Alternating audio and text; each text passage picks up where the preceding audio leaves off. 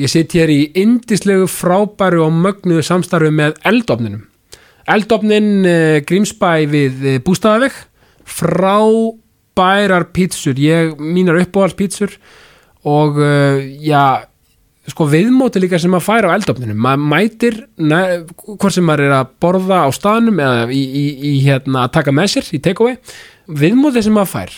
Maður það er alltaf bros, alltaf hlýja, alltaf gleði það er einhvern veginn bara, það er þessi fjölskyldu stemming sem maður finnur þarna inni en það er þetta fjölskyldu reginstaður og búin að vera starfandi í 13 ár takk fyrir túkall, en mín uppáhaldspizza akkurat núna er Siggi Spes ég vinn svolítið mikið með Spes matseðilin Spes pizzunar og Siggi Spes er mín uppáhalds akkurat núna af því að það er jalapeno á, á pizzunni, gefur mér svo sterkan keim og uh, já, er, þessi pizza er náttúrulega bara, já, hún er frábær og eins og alla pizzunar hana og uh, við vinnum svolítið með, við fjölskyldan við vinnum með það að fá okkur sérst hérna, eh, taka pítsu fyrir mannskapin og uh, kvítlusbröð líka kvítlusbröð og eldafnunum er náttúrulega bara upp á 10,5 uh, svo er líka fyrir manni sem mig sem er eh, algjör kaffi unnandi það er náttúrulega sko kaffi, sko þau, eru- þau flytjum kaffi frá Ítalju sem heitir Ítalkaffi þetta er frábært kaffi og Ítalkaffi og Ítalkaffi fæst á eldofnunum sjálfum auðvitað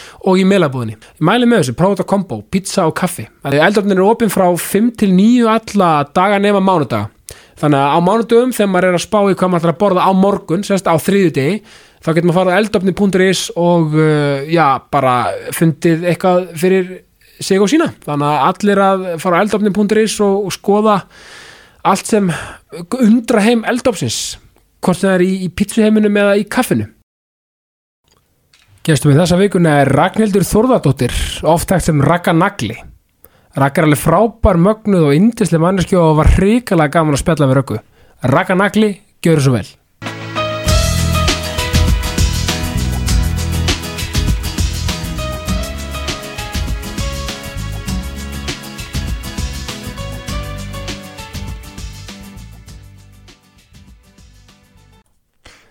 Já, góðan daginn, Ragnhildur Þórðardóttir Velkomin í jákastið Já, takk fyrir, takk fyrir að fá mig. Sérum strax fann að segja já Já, ég, ég, við megum eftir að segja mörg já í þessu kasti. Algjörlega Mhm. Hvernig finnst þér að vera komin í svona podcast sem er með yfirskriftana jákvæðni? Mér finnst það bara dásamlegt. Er það ekki? Jú, ég, bara þetta, þetta jákast, bara um leið og þú sagði bara, heyrðu, viltu koma í jákasti? Já. já, Já, já ég vil koma í Það var jákasti. ekki að ræða það Já. sko Gjöðvikt Já, ég Já. var eftir að pæla í því, þú veist, er þetta ekki svona jákvæðinis, það er yfirskriftin. Jú, Já. það er yfirskriftin og, og raun líka að því, að því að það er svo gaman af því að þú ert nú sálfræðingur sko.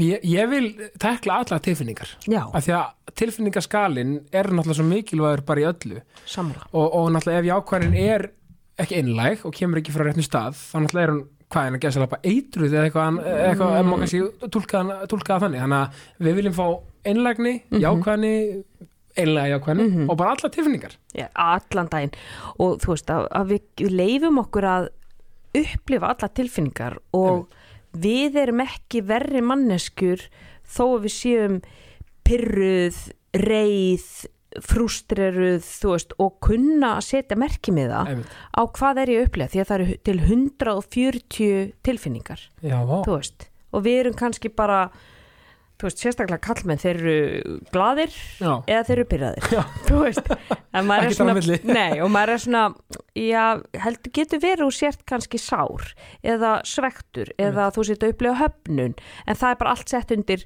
ég pyrraður Einmitt. 140? já, það er rosa, 140 það er ro- sko að því að sko, ég er að hugsa þetta núna, þú segir þetta ég get ekki talið, sko 140 Nei. ég, ég geti kannski talið upp hvað, 20, 30 það er nefnilega málið, þú veist Magnað. að þetta er til svona, það er til svona tilfinningarringur Já, og þá getur maður að sé sko ok, pyrraður er kannski yfirheiti yfir miklu fleiri Já, undirtilfinningar ég skil, skilur, já, þú já, veist, já, ég get verið og það getur verið sko frustreraður þú veist, og svo getur upplifað höfnun og ég get verið sár ég get verið upplifað söknuð Já. og ég get verið sorgmætur og skilur, þetta eru svo margi núansar á hverri tilfinningu og ef maður átt að sjá því hvað er ég að upplifa, er ég reið eða er ég pyrruð þú veist, eða er ég, er ég bara eitthvað pínu frústreruð eða þú veist, hvað er þetta sem að ég er að upplifa, þú veist, er ég er ég angurvær núna, skilur, hvernig, hvernig áttum við okkur á því að ég er angurvær, hvernig Já. notaður síðast þetta orð, skilur, einmitt,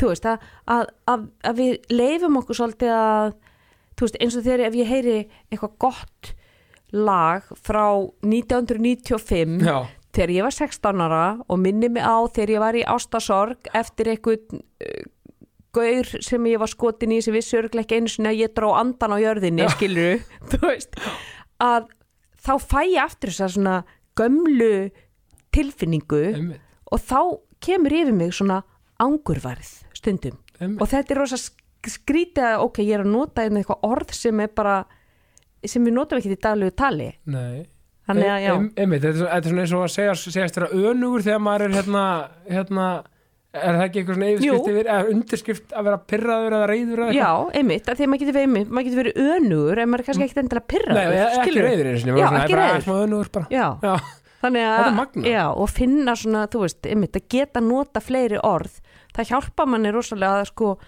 fá að sitja í tilfinningunni og Já. fá leifi til þess að vera að því, þú veist, ég hef skrifað nokkra pistla um það að, að, að sko í æsku, og ég vona þetta sé að breytast en allavega, þú veist, þegar ég var lítil og ég meni, ég bara sömu sögu að bara, þú veist, fólki í kringum mig já, að e, þú veist, ekki vera með vesen, skilur, ekki vera pyrruð, ekki vera reið já, bara svo svo, þú veist, hættu þessu nú já, þetta er ekki til að vera eh, reiður út af, þú veist að við fengum aldrei að sitja í neikvæði tilfinningunum, einmitt, þú alltaf vera glaður já, já, einmitt. en þið eru það bara ekkert alltaf Nei, og þú veist, það, það er svo mikilvægt einmitt, maður lærir þetta líka bara að reynslunni alltaf einhvern veginn að leifa sér bara að vera þetta er aftur að, svolítið svona núvitundar pæling kannski, mm vera bara svolítið í, þú veist, einmitt í tilfinninguna því að það er svo holt að vera reyður stundum, svo holt að vera þú veist, hvort sem það eru út í alheimin eða, þú veist, eða bara hvað sem það er Já. le, le, leifum okkur það bara lefa sér bara að vera, vera pínu pyrraður og, og þá bara mæta því, ok, hvað þarf ég núna Já,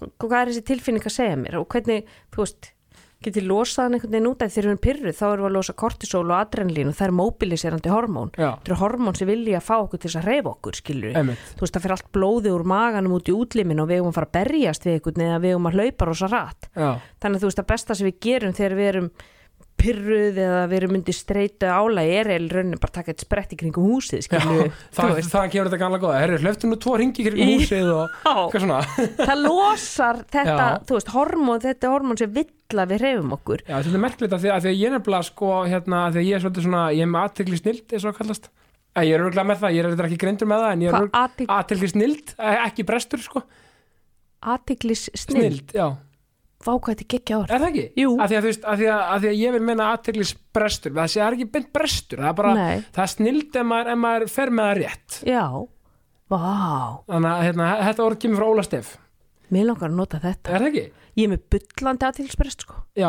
snild já, nei, þú veist Ég er a- með atiklisnill. Já, aðtegli snild að, að, Já. að því að sko ég hérna, einmitt, er svona smá svona já, bara svona fugl og er svona bara, já, bara svolítið svona leið mér að, já, bara alls konar og, og er svona svolítið að gera margt í einu og svona Mhm. og, og ég næ svolítið að róa mig niður einmitt í aksjóninu þar að segja að ég hleyp rosa mikið Mm, ég hleyp okkur meira stegi mhm. auðvitað einhverju kvíldadagar skilur og svo spila ég fótbolta og svona það er svona mín, hreyfingi mín basically, hún hjálpa mér að, að slæka á Já, og það er kannski partur af þessum, þessum hérna, eh, efnaskiptum og þessum, já, þessum blóðflæði og fleira og kannski virkar mismandi fyrir aðrir kannski lifta og aðrir gera eitthvað annað já, þess vegna er sko líkamsætt svo mikilvæg í sko allir svona streytustjórnun. já, það er að stunda líkasætt eins og þú losar út þú veist, við erum að losa út kortisol og adrenalin þegar við erum að að æfa, þegar við erum að reyfa okkur þegar við erum að hlaupa, þegar við erum að lifta, þegar við erum í crossfit skilur, það, það er allt á fullu í þessu hormónakerfi einmitt, þannig að þú nærð sko að stilla það betur af ef þú ert búin að f- hleypa því upp undir, kont- þú veist, í stjórnuðum aðstæðum já, og það er búið að leipa því út og þú ert að fá ákveðna útrást líka þú veist, fyrir ég meina maður veit það, þú veist, ef maður, ef maður lappar inn í ræktina og þú ert út með eitthvað sem maður kvílir á þér, þú nærð þú veist að einhvern veginn að kúpla þig frá því og þú veist og jafnvel fá einhverja útrás fyrir einhverja tilfinningar þannig inni já, en bara það að l- fá að losa út þessi hormón það stillir þau af þannig að þau verða ekki eins þau, þau keiraði ekki eins mikið upp þegar að svo þú lendir í ykkur mótlæti við daginn, skilur einmitt, nákvæmlega, mjög áhugavert og þú veist, að því að, því að sko að því að sko, það talaði oft um þessu hlaupum við talaði um þessu hérna runners high, eða Já. þessi hlaupa víma náttúrulega, fyrir bara, bara mæli með, frábæð víma, náttúrulega Endorfinin, já, já, já. mhm. er, er- er það með svona þú veist, hvernig virkar það skilur í heilabúin okkar skilur, er það þá bara þú veist, maður kannski ekki- maður alltaf upplifar kannski ekki endilega þegar maður er akkurat að því, svo þegar maður er búinn Mhm. það er svona, þetta er ólýsari tilfinning sem, þetta er ólýsanlega tilfinning já, og það er akkurat þess að segir, maður upplifir þetta ekki meðan maður er að því, eða allavega Nei. ekki fyrir mig sko, þú kannski ekki, maður ma, ma, kannski átt að veist, sig ekki ekki á því alveg í endilega. momentinu sko, Nei. þú veist, og ég meina ég er búin að reyfa mig síðan ég var 19 ára skilur, þú veist ég, það er mjög, mjög, mjög mjög margar æfingar þar sem ég bara af hverju er ég að þessu þetta er bara vond og óþægilegt já, en ég vil samt halda áfram skilur, ég vil gera þetta einmitt þú veist, það er enginn sem er að skikka mig hérna ég get alveg, ég get alveg bara hætt núna og labbað út, skilur Já.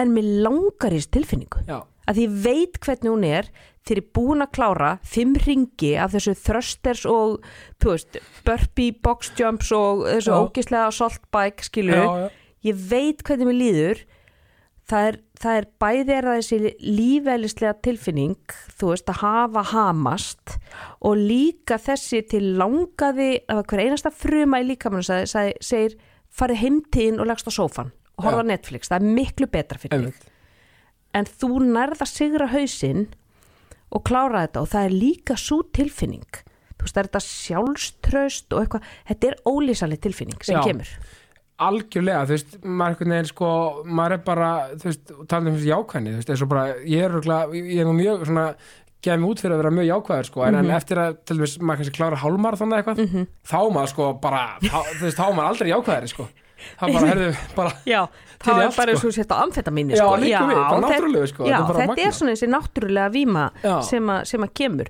og ég, ég er svolítið líka á því að það að fara í svona, þú veist, eitthvað mótlæti sem að, þú veist, ég myndi segja sé hálmarathon einhverja erfiðar æfingar Já. skilur, þetta er svona örmótlæti þú veist, Einmitt. lítið mótlæti sem er bara mjög kontrollerað skilur, ég get alltaf labba hérna út þú Já, veist, já. það er engin, ég er ekkert í- Það er enginn að þvinguð, neyða nei, mig í það, enginn sko. er neða mig í Nei, það, nei, ég er bara nei. þvinguð en það gerir mig sterkari andlega bara þegar ég þarf að setja mörk ykkur staðar eða ég sitt á fundi og þarf að standa upp fyrir sjálfur mér eða Einmitt. ég þarf að fara inn í erfiðar aðstíð ég þarf að halda, hérna fund, nei, halda fyrirlestur eða kynningu eða eitthvað þú veist það sem ég er bara að lamast úr ræðslu en að ok, ég hef sigrast á ymsu já, sem er kannski ekkit merkilegt, þú veist, ó, vá, þú sigraðir eitthvað vott hérna 20 mínútur, ég Já. en það er samt fyllt af fólki sem gerir það ekki. Nei, Þú veist. alveg algjörlega Og- Þa, Það er frábæð punktur, Já. af því- af því að þetta, það er þetta hugrekki fyrst mér, af því að fólk er mjög fólk rosalega mikið gera lítið úr, úr því sem það er að gera -hmm. Þú veist, mér er bara ég dáist að fólki bara sem bara er bara klárt í daginn, mætir í vinnu bara og þú veist, er bara þú veist, einmitt fyrir rektina, segja krakkana eða, þú veist, eitthvað, hvað sem það er eða þú veist bara, þetta, þetta amstur daglega innan gæðslapa amstur mér er það svo magnað sko þar að segja, þú veist, við verum að að gefa okkur háttundur höfði, skilur, við erum bara þú veist, að bara, bara vera, bara klári daginn og bara ætla sér hluti og vera með markmið og plan og 100%. og þú veist, bara, bara þetta venjulega og pl- ofan á allt annað sem maður gerir sem er magnað þú veist, bara einhver, einhver hobby eða hvað sem það er við finnst maður ekki klappa sér nú ofta á baki Nei, það eru margir með svona þetta imposter syndrom, þú Já. veist, svona lottara líðan.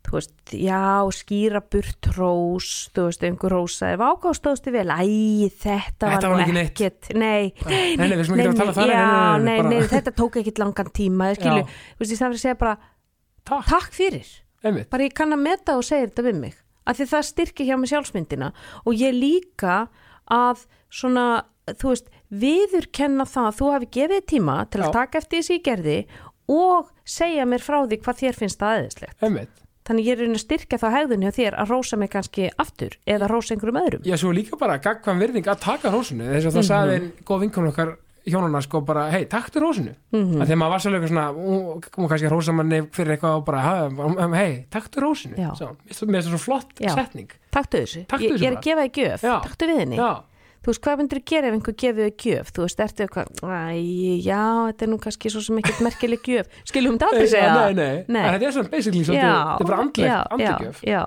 Ég veist alveg, þetta er Já. merkilegt, sko að við förum aðeins í, sko, persónuna já, Þig. já, að því ég spyr alltaf svona þú veist, bara- þú veist, bara svona velta fyrir mér þetta er hlaðin spurning, en þú veist, hver er Ragnhildur Þóradóttir, mm, bara sem persónan sko, það vita nú flesti hvað hún gerir sko. einhver sagði við mig ég væri svo chihuahua hundur ég væri uh, mikil orka í litlum umbúðum Já. já. ok, ég minnst það frábæð pæling já.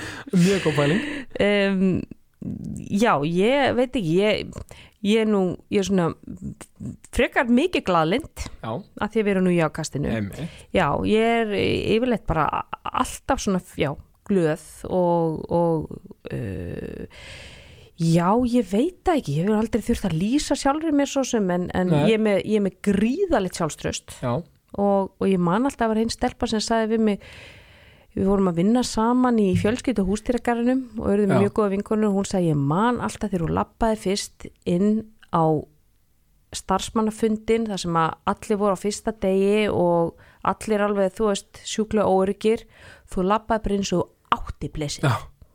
Já. Bara, bara forstöru mætur já þú veist Já. það er einhvern veginn, í, einhvern veginn hvernig ég mæt eða hvernig ég lappa þú veist ég, ég bara svona ég, já, ég, ég er mjög örug með mig og ég, þú veist, að tala fyrir fram að fólk og eitthvað skilur, þú veist, það er ekki til í minn eitt svona kvíði eða neitt svoleiði, sko. Nei. minnst það mjög gott sko. Já, þannig ég er, ég er og bara alinn einhvern veginn þannig upp og þú veist, mamma mín fór með mig í sveit í Þískalandri á sjö ára og skildi mig eftir. já, Þú veist, ég held ég að við svolítið fengi bara, þú veist, standa á eigin fótum, e- þú veist, ekkert, ekkert eitthvað væl, eitthvað mamma er ekkert á staðnum og þannig ég bara, já, bara þetta er já, bara Ekki- þetta er. ekkert veginn, Nei og, Nákvæmlega. já, og bara, bara gerir, gerir hlutin þannig að, já, ég myndi alveg segja, ég sé bara svona sjálfsörug og, og glöð, ég veist, auðvitað get, get ég talið upp gallana mína hérna, sko Já, þú ég veist, meina- en við erum í jákastinu, en Já, ég ætla að ég vera alveg meina- sjúklega að jáka þetta já, já, og mér að við höfum vel galla það vita það allir já, já, já, Það er bara alveg frábært. bara nóaðum, sko Fögnum því bara. já, já, og þeir eru, þú veist, geta verið styrkleiki hjá mér, en þeir geta líka, þú veist, verið mér fjötur um fót og,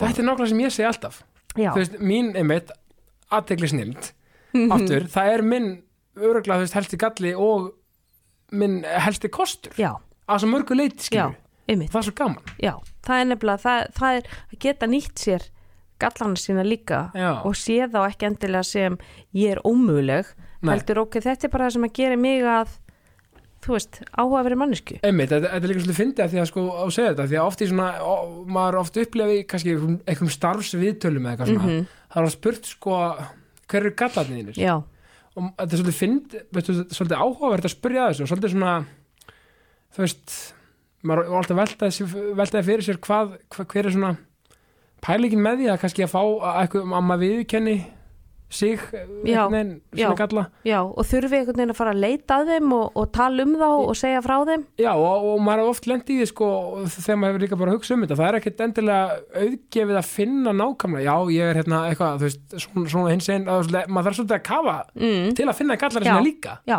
eins og kostina sína einhvern já, veginn. Æ, þú akkurat veist, Akkurat, svona, já, já, góð pæling já Sko, hvernig, en hvernig, ertu, hvað ertu uppræðanlega? Ég er bara úr smá í bóðakverfinu Já, Ég er sko 108 vikingur Uh, Já, ó og hann maður bestur þessu staðinu núna Já, já, já, Já, já. Var í vikingi handbolta Já, það, í svona ok okay. korter Í korti, já, Já, já, eh, og var, sko, ég var nefnilega góð í handbolta ok Þannig ég svona sé svolítið eftir að hafa hægt, sko, en þú veist, svo Hvað er ég stöðu bara spilaru? Ég var hot, Já, mann ég og svo var ég komin hana í við hliðin á hotninu Já, í skyttuna. Það hétt bakk þá já, já, já en, en þú veist, já Eh, ég Já, bara cool. var skotföst sko við vorum oft í yfir í gamla dag þú veist, í Já, bara gamli svona góði. leik okkur já, Já, já. og þá ekki láta Ragnhildi kasta því ég kastaði svo langt Já, ok já, því ég, ég sterki höndunum sko en Já. ég get ekkert með fótunum, ég er vonlaus í fótbolta sko. Já, já, já, ég er bara, það er eins og ég, bara, ég sendi ykkur bóð þarna niður og það er bara þau, bara, þau bara skila sér Það ekki verður ekkur að vera í því Það verður ekki góður í fótbolta En já, þetta er en, Og hvaðan kemur, þú veist, hvaðan kemur rakka nagli? það kemur maður minn, hann setti þetta, klíndi þessu á mig Eða það? já, því ég var alltaf eitthvað dratt honum í ræktina á mótnana og já, alltaf, já, svo mýl nagli sagðan, Já. og þannig að þetta var svona ragganagli já. og svo fór ég að blogga og þá notaði ég þetta orð þannig að þetta festist við mig sko Emmi, ok, Já. em- merkilegt mm. að því að, já, að að því ég hugsaði ok, hún- hún hefur nú alla hérna, komið sér á sjálf nei, Einhvern veginn. nei, Nei. nei, þetta var hann sko svolítið og skemmtilegt þetta er svona ragganagli, þú veist, þetta er svona dag, dag, dag, dag, þú veist, þetta Já, er e- þetta er svona tikkar vel já, saman. þetta harm, harm, harmonir já, og þú svo, sest, þá fór ég að skrifa svona pistla þar sem ég sko skrifaði um mig í þriðju personu, þú veist, naglinn já. fór og naglinn gerði þetta Já. og naglinn eitthvað og ég er einhvern veginn föst þar mér finnst það sko. Eða, þú briljant veist, já, og sumu, sumir eru eitthvað, akkur tala hún um sig í þriðju personu og sem kallmann eða þú veist, Já, þannig já, að já, þetta já. er einhvern veginn bara ég er búin að gera síðan 2005, ég get ekki hætti núna Nei, Þú nei. veist, ég, þetta er bara, ég er búin að mála Það- múti hopp, það væri ákveðið rýbrand sko.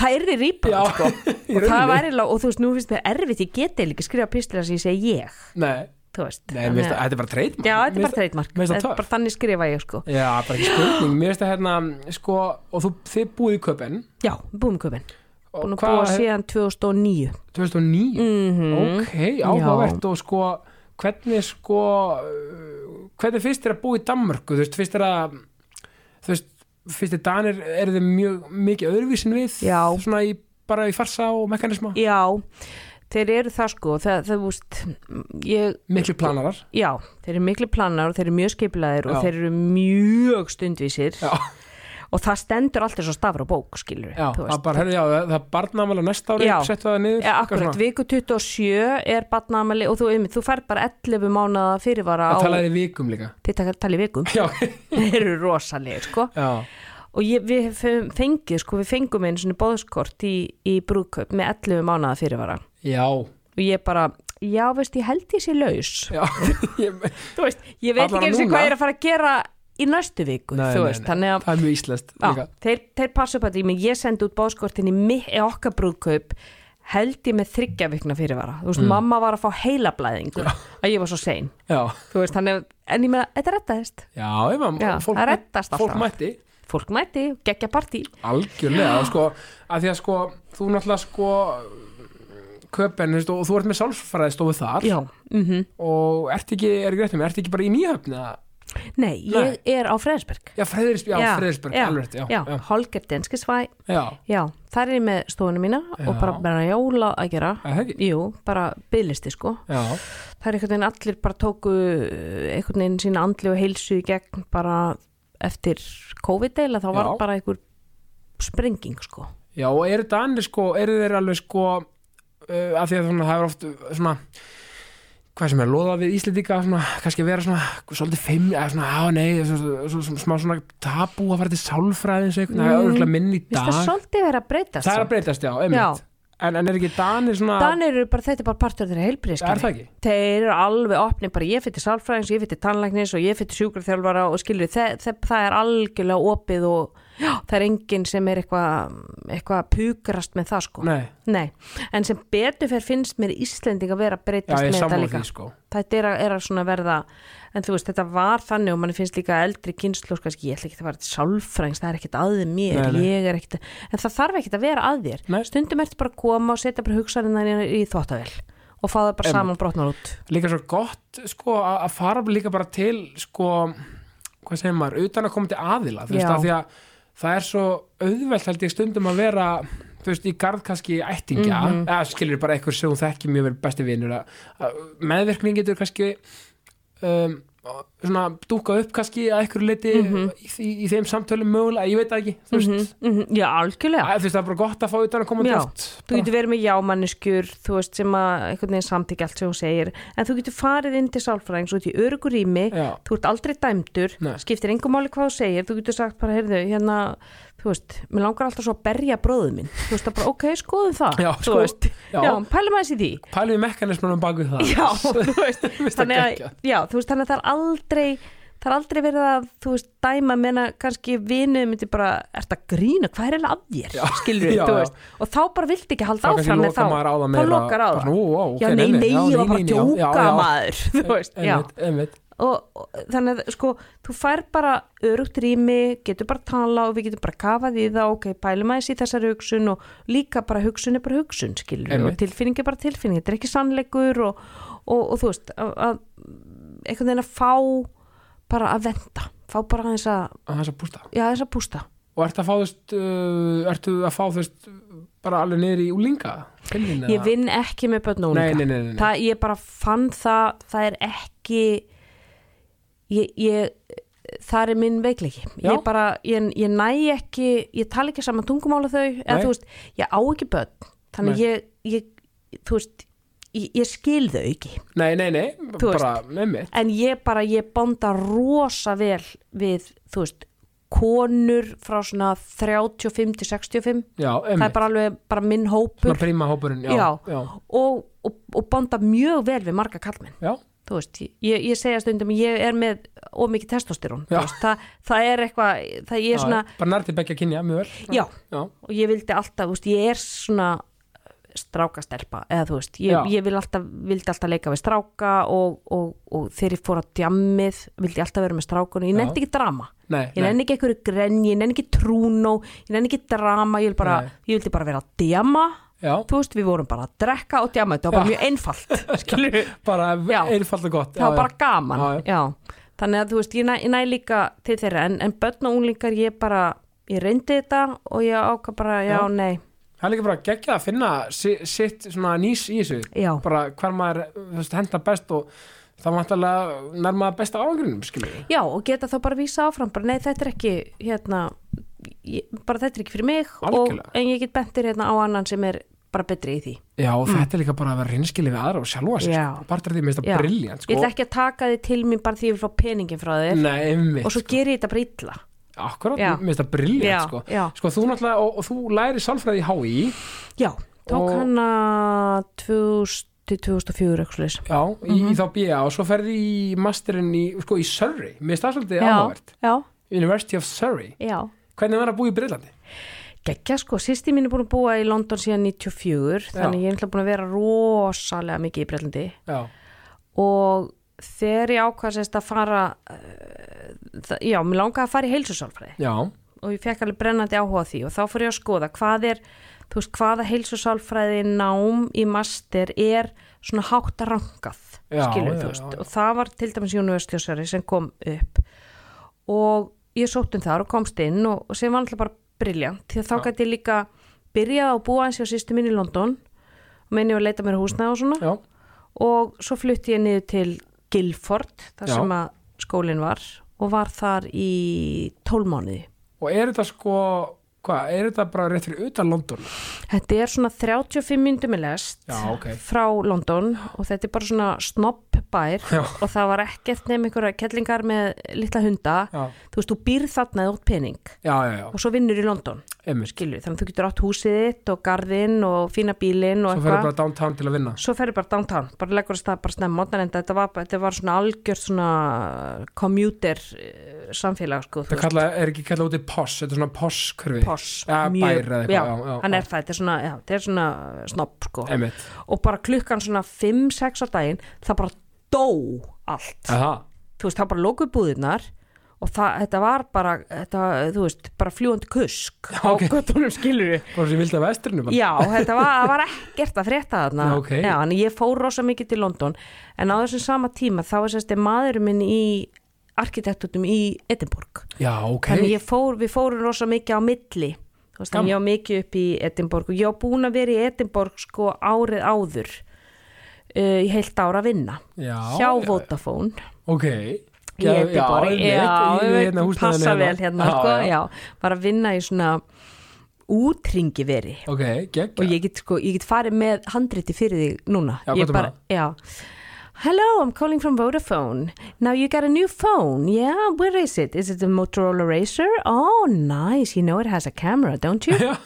Já. þetta var, og svo Þetta var var, bara svona og já, og maður var að reyna að selja þeim eitthvað svona auka pakka, skilju Já, á, Þetta á voru- síman já, þetta voru svona svona- í áskrift Já, og eitthvað svona Já, já. já, já, og þetta er sko 2004 þannig að þetta var Motorola Razor símin alveg Já, bara, svona var ekki samlokusími. Já, samlokusími, Já, já, sko, já, já. með myndavél með myndavel Já, Maður, það var magnað sko Sessir. og, vi- og do you know that you can make a video call to your friends já, nýjasta nýtt já nýjasta nýtt alveg Já, já. geggja sko og, og þetta var náttúrulega bara alveg sko mökk leðilefina en rosa skemmtilegt fólk þetta voru sérst allt svona krakkar sem voru allir svona nýbúni með bíðan á með eitthvað Já, og við vorum bara alltaf að djamma og bara í stuði og gaman og þetta var geggja ár sko sko skotarnir eru líka vel hressir sko. ó þeir eru æði, ég elska það Já, ó Milas, Já. how are you já, já. þú veist líka bara breytar og sko, þú veist, þú veist ég, hérna, ég tengi svo mikið við bara breyta yfir höfuð, þú veist, mér finnst þetta svo Mhm. skemmtilegt og hrest fólk og þau eru oft flestir, eru svo kurteisir hann, er- hann er ekki nokkur átt sérstaklega skotanir Já, ekki tím, já, já, Já.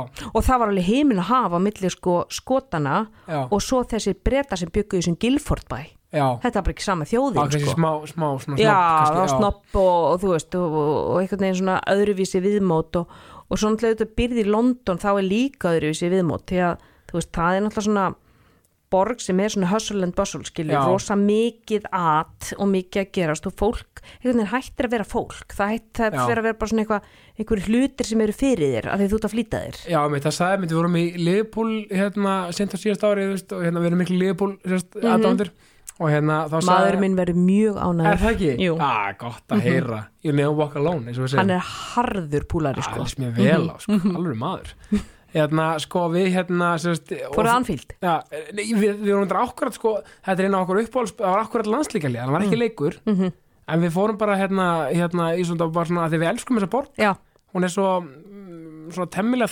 lítil Og Mhm. þægileg Og þetta var bara svona smá svona haustshopping Og bara Mhm. ótrúlega næs þá, mm -hmm. að þegar þú veist hvernig London er það, er svo, það er bara bíl, bíl út um allt eila bara og svona smá já svona, Já, hún er erfið sko, Londoni, minnst þú rosa gaman að fara til sýstu minnar og hún Já. býr bara, þú veist, í Finnsbury Park bara svona rólegu hverfi og þá er ég oft bara þar og fer svona einn dag nýr í bæ og er þar í svona 2-3 tíma, ég get ekki meir Nei, einmitt, að- og það, einmitt, það er svolítið svo brasa komast, ekki það Já. London er minn uppáhaldsborgur, sko, en bara Já. það er svolítið svona, já, en, en okkur, okkur vantaði bara svona tveggja þryggjata að ferð til þess að vestla Já. og bara, Já, og einmitt. heim, skilur Já, og heim tilbaka. Og, já, og þá sagði mér þetta að því að við flugum til Manchester og vorum með bílstjóra Mhm. og hann var að segja, sko, já, sko, já, þú veist, London er geggju og allt þetta, sko, en hann sagði, sko, maður kynnist þetta ekki svona raunverulega bretlandi Nei. Mm. fyrir en maður ferið með til, þú veist, Liverpool, Leeds, Newcastle, Manchester og með til Skotlands, þú veist, Já. Edinborg og þetta Já, þú veist, þá ki- kynnum maður svona, kynnist maður Breitlandi svona eins og er svona svolítið, að því London er bara svolítið svona kannski eins og heimsálfa Já, líkið því, sko, það er svo já. stórt allt já, saman, af því þú ert með bara allra þjóða kvikindi þarna einmitt, sko og, og já, hún er eiginlega, þú veist, ekki bresk Nei, hún, hún er svo rosa nýtiskulega og metró Eh, Já, og, metro og, og einmitt svo rosalega mikið af þjóðabrótum sem er þarna þannig að, þú veist, þú ert með þú veist, muslimasamfélag og þú ert með þetta, þú veist, vestur-indía samfélag sem Já. er rosalega stórt einmitt, það er til dæmis mjög stórt í hverjunni og sýstu minni þannig að þú veist, þú ert með innflytjendur sem eru svo rosalega ríkjandiðar já það er það sem ég, ég elska við hana og svona Algjörlega. svolítið multikultúrar Multikulti, já, einmitt, sem er alveg Mhm. briljant og eins og sé, en svona bara, ma- einmitt, og svona maður kynir svona, svona, svona eh, þessum svo kallar kannski breska kultúr kannski meira í, í, í, í þessum Já, minni þessu borgum. minni borgum Já, já. og það er einmitt þessi multikulturalismi sem að dró mig sko, þú veist, við erum búin að búa á Nörrebrú alltaf já, og þú veist, ég vil hvergi annars það að vera vegna þess að Nörrebrú er þannig þú veist, Já. hún er, þetta er náttúrulega eitt stærsta muslimasamfélag bara á Norðurlöndunum Já. sem er á, á Nörrebrú og það er bara, þú veist, það eru kebabátnir og það eru, þú veist, tyrkjabúðirnar og, og það eru slæð, þú veist, konum með slæður út um Já. allt og þú veist, og það er föstaspænin og, og þú veist, svo fara þeir allir og, og borða iftar og eftir og þú veist, ég elska þetta já, stemming, Já, gaman já, ég vil vera þarna og ég vil vera í atinu og ég vil vera, ég get lappað út hjá mér og ég get lappað út í næsta kiosk og keft mér vassmelónu klukkan eitt um nótt, Já. skilu, ef ef mér þetta auðhug. Þú veist, þannig að það er, og það er alltaf fólk og það er alltaf líf og Já. það er alltaf, ég ég bara elska Það er svo nörgum. eitthvað gaman líka að hafa svona multikulti stemmingu í borginni sinni Þú veist, Mhm. Já. þetta, þetta gefur borginni sem bara svo mikið lit og bara öðruvísi matur er, er svo upp, einn af minn uppára stöðum í mandi Já, heima. einmitt, þetta er svo, og það er svo gaman að kynnast þú veist, menning bara Já. kultúrnum hjá, hjá öðrum löndum ég Já. elska þetta já, og einmitt, og það er bara fyrstu árin sem við byggum í köpinn þá, þú veist, á Nörrubrú það er bara mandi staðir bara niður alla göttuna skilu Já. það er það sem kallast svona kebabmílan en veit, já, það er bara, þú veist, frá svona einum gatnamótum að næstu já, og þú veist að fara inn og þú ert ekkit bara með, þú veist, kebab vefjuna, skilu, eins og mandi er með þú veist, það er þessi spjót já, einmitt og rískurónin og hummusinn og Ó, já. tzatziki og þetta, þú veist, ég bara oh, Já, þetta er ég gegn- elska þetta sko. geggja dæmi sko. Já, sko, og þú lærir sko hvað, þú ert sko klárar uh, master í kring- helsu sálfræði já, og, og því í, í Sörrei Já, og svo fluttum við heim í tvö ár já, svo kemur hrun og við að migla á Íslandi vorum einhvern veginn ósatt við að hafa flutt heim Já. þú veist, vorum bara búin að vera mikið þú veist í- í- þegar maður venst þessu stórborgar lífi Já, einhvern veginn, þú veist, já. það er mikið að gerast og eitthvað, og allt í undir bara komið til Reykjavíkur og búin að sjá allt á vídeolögunni og búin að sjá allt í bíó og eitthvað, þannig að við bara, oh, já, ok og svo missum við bæði vinnuna já, hrunið og við bara, heyrðu förum bara, já.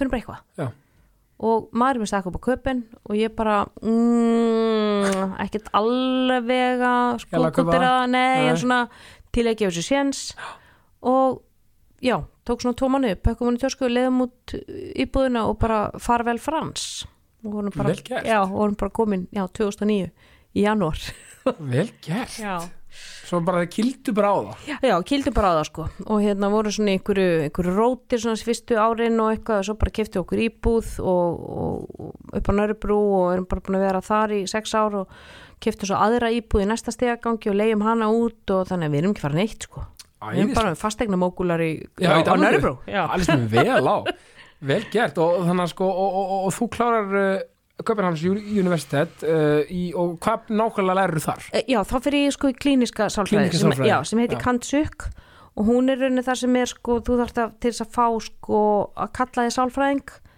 þá er það þetta starfsleifi sem þarf þú þarft að vera með Kantsuk Já, eh, já, til já. þess, þannig það var tveggjara nám tveggjar nám og, og hvað, hvenær klárar það 2013, já, og þá reyni og, og, og opnar stofuna stutt já bara eiginlega eiginlega óvelappaði að eiginlega ég var svona hálfbúna opnana með tveimur öðrum Já. Átni og Kalli sem Já. voru vinnir mín og við vorum svona búin að setja upp svona okkur langa samþætta svolítið hreyfingu og sálfræði, vorum öll enga þjálfarar já, já þú Og- náttúrulega enga þjálfur líka já, já, Einmitt. já uh, og uh, þannig að já við vorum búin að leigja húsnæði áður en ég kláraði, þeir voru búin þeir voru ára undan mér sko okay. og svo sem sagt flytjum við átni svo flytti Kalli til Íslands þannig varði ég leikt úr þessu og við átni flyttum saman þar sem við erum, ég er núna Ok, frábært Já. og, og, og gaman og nefnir að þessi engaþjálfurar, af því að, af því að þitt sérsvið er náttúrulega svolítið lífstíðsjúkdómar streita og ofþyngd, ekki satt? Jú, svona Hefur hjálp, verið það? já, hjálpa, svona- já, streyta mikið og hjálpa fólki svona sem er í óheilbrið sambandi við mat, þú Já. veist, þar er ég með alveg sérsvið, sko, þessu ofátshegðun og, og sem er oft bara afleðing af, sko, þú veist, margra s- ára sögum, þú veist, að vera á megrunakúrum og, og hvað það gerir við hugafarið okkar, þú veist, það kemur þessi skorthugsun Já. og, og Alltaf að byrja á okkur og... alltaf að byrja á einhverju, og alltaf einhvern veginn að mistakast Já, af því- af því að það verðist oft vera með kúra, þú veist, e- e- e- ekki gera lítur um kúrum eða svoleiðis, en það er bara svona, það er oft kannski fólk svona, gera það í x tíma, svo er það bara allir bara búið, Já. þá mistar það kannski tökinn og svo Já. annar kúr eða þetta er næsti svona- kúr þetta Já. verður svona, þetta verður öfgar svona frá einum til, til annara og þú veist og ég þarf ofta að opna augufólks fyrir því að, að þú veist lausnin eða sko kúrin er í rauninni vandamálið þannig að þú ferð alltaf á næsta næsta kúr þá ertu alltaf að sko innleiða einhverju nýja reglur Já, og þú ert alltaf að fara eftir ytri reglum í því hvað þú ert að borða þú veist það er einhver sem segir hvað þú ert að borða hvenar og hversu mikið já, þú ert algjörlega komin úr tengslum við líkamann þú veist þannig að þú ert ekki að borða eftir innri merkjum af settu eða svengt skilur með bara eftir, eftir einhverjum kassa bara sem þú þarft einhvern veginn alltaf að fylla upp já í, eða þú og veist. svo þú veist ferðu uh, einhvert í amali eða eitthvað og, og þú borðar eitthvað meira eða borðar eitthvað annað eða borðar eitthvað sem er bannað innan gæsalappa Já. þá kemur svolítið þetta fokkit mót og þú veist og þar getur jafnvel verið í einhverja daga eða vikur að mánu eitthvað vegna þess að þú nennir ekki aftur á hann að kúra þegar hann er svo leðilugur skilur og hóðkortið er búin inn að gerðslapa að skemma að skemma, já, já, já. hvort sem er búin að skemma þá kemur það hugafar, þú veist, þetta allt eða ekkert og þessi svarkvita hugsun í hvort sem er búin að eðilegja, þannig að það er rosa m- svona margar svona hugsana gildrur í k- kringum mat sem við dettum öll í Já, svona, algjörlega. já, svona þetta, og við þekkjum það öll þú veist, ég meni, ég gera líka og þú örgla líka Já, þú veist, þetta er bara 100%. fokkitt og eitthvað en það er líka sko þetta svona kemur fram í ákveðinni hegðun til dæmis eins og þessi skorthugsun sem er, þú veist, ok, ég er á kúr og ég má bara borða 250 grömm af kjúklingabringu, skilur þá ertu með hann á disknuðinum og maðurinn kannski segir heyrðu, rosa þetta gyrnilega kjúklingu, má ég smakka já, ekki að ræða það, já, skilur, þetta er bara það sem ég fæ, ertu vangefin Já. maður heldur þú fáir af þessu já, og það er svona eins ákveðna skorthugsun skilur, þú getur ekki deilt mat þú, þú veist, þú ferða þú ferði jafnvel sko í að þú veist, uh, svona eh, já, það kemur svona eitthvað svona ofverndar Já. eitthvað svona, eitthvað svona dýrsleg hæðung eða skilur bara já, svona ég á þe- þetta, ég á láttu þetta, vera, já. og ég deili ekki og, og þú veist, ég klára allt og, Já. og, og þú veist og, og ég verða að nýta tækifærið til þess að borða núna, skilur það er kannski, þú veist, þú sérð, það er kannski kaka í vinnunni, þá ertu bara "Oh, ég verða að nýta tækifærið, ég veit ekki hvernig ég kemst í þetta aftur, Já, skilur, en að þú veist, að finna þessa ró, veistu, að þú mynd alltaf hafa aðgangamatt já, ef þið langar í þessa köku þá getur þú veist, þú getur lappað inn í næstu búð 24 tíma sólaringsins og keft hana bara svo einfalt er það Eða, já, þetta er þannig að sko fá þess að það verður oft svona og svo verður ofbóð líka þú veist, ég, ég, þú kannski búin að fara í eitthvað fokkit mót í eitthvað vikur búin að bæta á þig og þá kemur eitthvað svona ofbóð að ég verð að losna við þetta strax já, þú veist, það verður svona mér langar ekki verið með þessi kíló utan á mér og, og þá ætlum ég að fara í eitthvað drastist já, þá bara kannski missir kannski 7 kíló á Í- á- á hverju- já. stund tíma svo ertu búin að því þá bara svona aftur í sama já, þetta verður svona jójó þetta er óbúslega Vítahringur. líjandi og, og þú, þú upplifir einhvern veginn alltaf sem einhver mistök þú færði einhverja smá gleði vegna þess að þú náðir að missa 5-6-7 kíló skilur, smá dópamin skot með það Já, og allir já. að rosa þér og rosa þú veist, svo missur einhvern veginn tökjun og þú fer tilbaka og bætir þess á þig aftur og jafnvel meira til og enginn er rosa þér og þér finnst þú vera algjör feiljur og þú veist að það er þessi dimmi dalur sem þú gengur og þetta, þetta, þetta verður þetta verður svo, þetta verður svo líjandi og það verður svo mikill háfaði í haustnum um mat já allan tíman alltaf og þú þetta er alltaf út, ítir líka undir vantilega mikla útlitt styrkur eða þú veist skilur þar að segja Mhm. að vera alltaf svona meðvitaður um útlitið þar að segja ekki það þú veist, það er náttúrulega flestir auðvitað meðvitaður um hvernig, Mhm. hvernig við lítum út skilur en, en, en kann- þessi kannski öfga og ofhugsun um það Já, hvernig lítið út af því að þú fær kannski hrós og viðurkenningu frá samfélaginu um það að þú hafir grenst já, og þá ferð að tengja það við sjálfsverðið þitt Já, skilur, einmitt. já, ok, ég grentist þannig að allir eru að taka eftir því og allir eru að rósa mér og þá allir að hanga svolítið á því bara eins og hundur á róði sko. já, já, já, og ég vil fá þetta rós aftur þannig að mér Einmitt. leiði vel þegar ég fekk það ég fekk eitthvað endorfín, ég fekk eitthvað dopaminskot þannig og ég vil fá það aftur og þá vil ég fara aftur inn á kúr og þá er kannski dalurinn líka svo mikill kannski þegar þú svo finnur að þú ert búin að missa Já. eða kannski búin að bæta kannski aftur á þig því, því sem hún vilt ekki já, uh, þá kannski verður dalurinn ennþá dýbri já, og hvað er á því mér akkur er ég ekki með viljastyrk, akkur er ég ekki með sjálfsaga Em, já. og þannig að þú fer að berja þig niður í staðin fyrir, ok, hér er bara hér, þú, við vorum ekki að búa til heilsuhegðun Nei, nei. skilju, að fara á einhvern, einhvern öfgafullan kúr er ekki heilsuhegðun skilju, nei, nei, nei, nei. þannig að það er meira að búa til bara get ég hakað í ákveðin boksi við daginn stöðuleika sem að heita heilsuður nákvæmlega stöðuleikin já, þú veist, ég mæti ég borða, þú veist þetta ég er yfirleitt aldrei fullkomin nei, nei þú veist, það er ekki til En er, er, ekki, lí- þú veist, er ekki líka bara í stöðuleikanum já, bara raunni bara í öllu að það einhvern veginn líka máttu kannski leifa þér þú veist, hér og þar eitthvað þú veist, nammi og, og Já. þetta allt saman skilur Jú. við, svo lengi sem það er kannski bara svona ekki í, í, í, í, í, í hvað sem er, of eh, hérna, í, eh, eh, svo lengi sem það er í hófi já, og þú veist ekki þú veist, bara eitthvað alltaf oft yfir x tíma, eða skilur, Já. þetta er bara svona ég basically vil bara, bara að fólk sjáu mat á svona rófi Já. frekar heldur en í einhverju, einhverjum kategórium, skilur þú veist, þetta er óholt og þetta er holt og, og þetta má og þetta má ekki og þetta er sikra og eitthvað, að þú veist, við erum bara að horfa á þetta bara á svona, þú veist, skala ég meni, hér er bara rosa hollur og næringaríkum matur, ég borða hann oft og ég borða mikið á hannum Já. og hinum endanum er bara mjög næringasnöður matur, ég borða hann sjaldan ég borða minna á hannum og hann er bara eitt tilgang, það er bara gaman að hafa hann í munni, já, já, skilur, já, já. það er eini tilgangurnas og ég borða hann sjaldan og ég borða lítið á hann Mm. en ég borða hann samt þú veist, þannig eini maturinn í rauninni sem að við höfum að sleppa, bara matur sem okkur finnst vondur, Já. skilu ég meina bara kóriandir bara, þú veist, viðbjöður ég ætla aldrei að borða þetta, já, ég slepp honum þannig að þú veist, það er bara að, og, og verða svona svolítið kaloríu snoppaður, að finna ok, hvað er quality hvað finnst mér ógeðslega gott já, og þá ætlum ég bara líka að fá mig það og njóta þess Já. niður í báða raskina Mhm.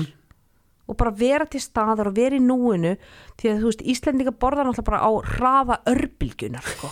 ég Já, veit að já. þetta er rosalega já, já, já.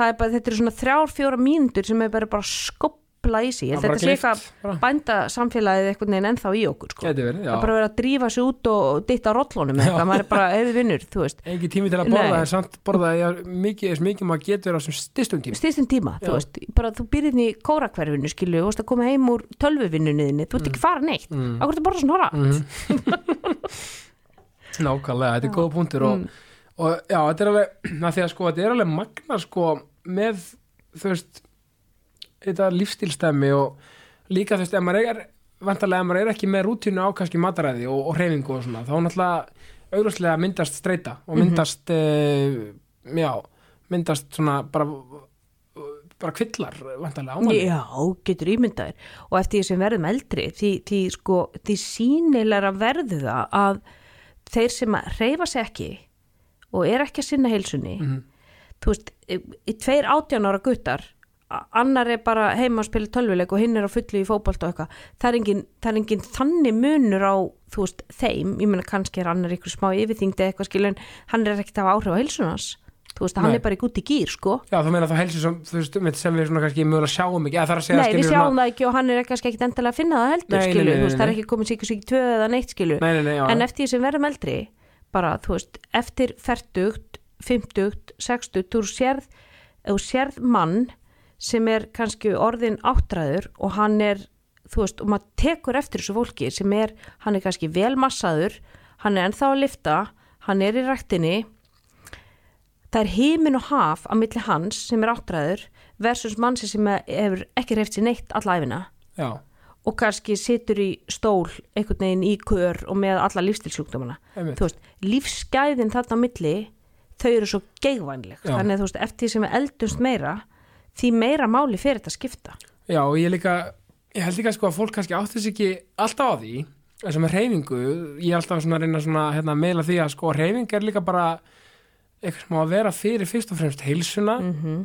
við skulum ekki vera í ykkur keppni við aðra og, og þá og bara okkur sjálf þegar maður reyfa okkur, jú, þú veist, ef við erum í ykkur með afreks þú veist, íþróttum með eitthvað, ég er ekki að tala um það og mér finnst oft reyfing og svona og veljan, þú veist, líkamlega snúast um eitthvað svona mögulega eitthvað myndir eða eitthvað Mhm. svona eitthvað svona sem er ekki kannski endra heilbriðt, bara eitthvað samkeppni eða eitthvað slíkt, sko, það verður að vera af, af því að öll eru mismandi, af því að ég, ég hleyp mikið og ég er að innlega nú kannski smá liftingar með, af því að ég er bara svona hlaupagikkur, ég er alltaf hlaup- hlaupi mikið í fótboltanum og tó, svo hætti ég þar og þá tók ég bara fótbolta tvisir í viku og hlaupin bara tók yfir, af því að mér er svo gaman að hlaupa, Mm-hmm, Mhm. hlaupa. það er svona mín mantra eins og ég sagði hann en, en, en sumi kannski eru svolítið að gera þetta kannski mögulega ofta röngum forsendum eða þú veist, við erum að gera Já. þetta fyrir heilsuna fyrst og fremst Já. og, og það að reyfa sig getur bara verið göngutúr og, og kannski smá liftinga fyrir einhvern og Já. mikla liftinga fyrir annan langklöp fyrir annan, þegar hinn mm. skilur við er það ekki svo- Jú, svolítið rétt við, með því við, hjá við mig þurfum sko líka einmitt að- einmitt þess að segja, þetta er reyfing já, hvað er þetta að gera? Þú ert að reyfa líkamann það Já. getur gerst hvar sem er í hvaða þú veist, hvaða formi sem er þú getur farið í sund, þú getur farið upp á fjöll þú getur sippað, þú getur hlaupið þú getur farið út að hlaupa hjól, línusgauta skilu, þetta er bara heiðraðu þörf líkamanns Einmitt. fyrir reyfingu sama hver hún er basically sama hver hún er Já. en bara hreyfðu þig og haltu einmitt eins og þess að þessi stöðuleiki Já. það er þú veist að halda þessu þessum sko uh, þú veist það sem heitir svona á ennsku momentum þú Já. veist, þessum svona hvað heitir þetta, sveplurraði eða svona, Já, momentum er einmitt mjög gott orð af af því að þetta er svo í, í öllum, öllum af, afreiks íþróttum, Já. Mm. þá er momentum svo óbáslega mikið, ég veit ekki alveg íslensk orðið kannski meðbyr eða já eða svona svep, eða þú veist þetta er bara svona að halda hlut á reyfingu já, halda Skilju. augnarblikinu gangandi svolítið. Já, halda þessu bara gangandi þú Já. veist og þetta getur verið lítið og ég segi stundum þetta er svona eins og að setja bara þú veist peningis barbegin, Já. skilur þá setur ykkur með einn stegi, stundu setur bara þú veist, eina krónu stundu setur þú skall, einmitt, skilur stundum ferðu inn og þú átt bara geðveika æfingu og ég bara í massa stuðu og þetta var bara 90 mínútur og ég var bara að gefa allt í þetta sundum áttu bara rosa litla innegn Já. þú svafst illa, allt er í volli þú veist, ég fer hérna í einhverja tímyndur ég sippa, ég tók bíseppin og eina kviðaðingu ég lappa út, já, flott já þú helst heilsuhæðunni gangandi, kannski tjekka út reyningu þú tjekkaðir í þetta box, Mhm. þú veist í dag settur bara tíkall í baukin, en þú settir eitthvað í baukin algjörlega, þannig að þegar þú verður áttræður þá áttu rosalega stóra innistæðu af því að þú ert búin að fara alltaf og halda þessu gangandi skilur, þú ert að halda hristinni við einmitt og þetta er ákveð punktur sem ég var að menna, einmitt, með þetta hérna, með hversu mikið reyningi er mismönd og svona, og einmitt og þegar maður stendur kannski sem, sem áttræður, e, áttræða manneskja, þú veist, og þá getur maður að hugsa, ok, ég, þetta er bara mín reyfing og, og skilur, ég er búin að fylgja henni alltaf Já. og, og, og, og vera stöður og svona skilur og þá er maður vantilega búin að leggja inn fyrir því að vera kannski svolítið svona hraustur í ellinni já, eða þú veist, einmitt, já, einmitt og það er, eh, þú veist, það er alltaf þetta það, það, það sem að momentum er sko eins og þú veist, á lestastöð lestin er alltaf rosa lengi af stað til að byrja með þú veist, tjúka, Já, já, já, tjúka, já. tjúka, tjúka, tjúka, tjúka, tjúka þannig að ef hún þarf aldrei að stoppa þá er bara góður hraði á henni skilur Einmitt. þannig að þetta er saman sama ok, ef ég fer í þryggja vegna frí ekkert og ég bara hætti í ræktina meðan eða ég hætti í ræktina yfir sumarið eða Mhm. þú veist gerðu frekar eitthvað, Já. eitthvað smá alltaf, þú veist, þú getur minga reyfinguna en ekki hættin já, og ekki vera með við ykkur aðra, þú veist, gerðu bara sem þér líður vel Já. með og það sem þú, þú veist, telur vera gott fyrir þig, einmitt, og þú getur skipt um reyfingu já, yfir sumarið, þú veist ok, ég nenni, mér langar ekki farin inn á líkasættisal nei, gera eitthvað úti, já þú veist fara, fara að hjóla með krakkonum eða whatever, bara algjörlega Já. og, og bara vera svolítið svona mobile og reyna að vera svolítið aktiv kannski Já. bara svolítið líka, ég, ég held að það sé líka bara gott upp á bara, allt, ég meina Allt, bara upp á þú veist. blóðsikursstjórnun, þú veist kólesterólið, þú veist eh, kvildarpúlsinn já, bara blóðþrýsting ég meina við getum bara, við getum talið bara endalust upp hva, hvað, þú veist, og þetta þarf ekki að vera neitt rosalega mikið, Nei. mikil reyfing skilju, sem hefur bara þessi rosalegu áhrif á, á heilsuna. einmitt, Mm. þetta er alveg magnað og, og, einhvern veginn, og líka bara þú veist, bara, aftur, bara hvetja fólk til þess að einmitt, gera þetta sínum forsendum bara og, og, og hafa svolítið gaman af þessu Mhm. ekki,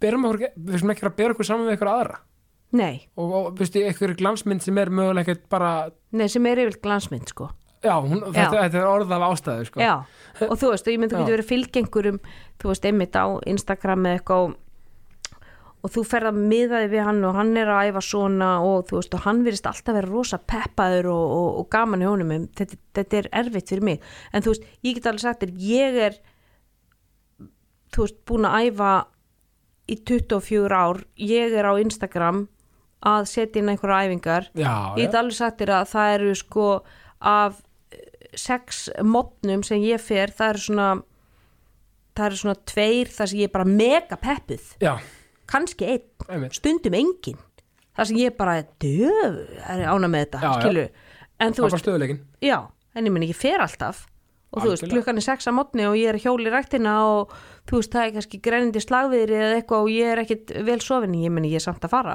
algjörlega og ég meni, ég fyrir að gera eitthvað þannig að þú veist að sjá ekki alltaf þessa glansmynd þú veist, þetta er ekkit að, eh, hjá engum það er bara ekkert alltaf gaman og það er ekkert Nei. alltaf eitthvað, þú veist, alltaf eins og eitthvað þetta er bara, þú veist, það prumpar engin glimmir alltaf daga, sko. nákvæmlega þú veist, þetta, þetta er allt saman, allt sem við gerum er þú veist, gaman, breyst já, erfitt, sásökafullt og allur skal já, þeir sem á að ná að gera heilsuna lífstíl eru þeir sem að fara þó þeir séu ekki peppaðir nákvæmlega, sko, Mm. sko og þú, sko, þú um byrj er ekki rétt með mér, er þú ekki ákveðin frumkvöðl í fjárþjálfun?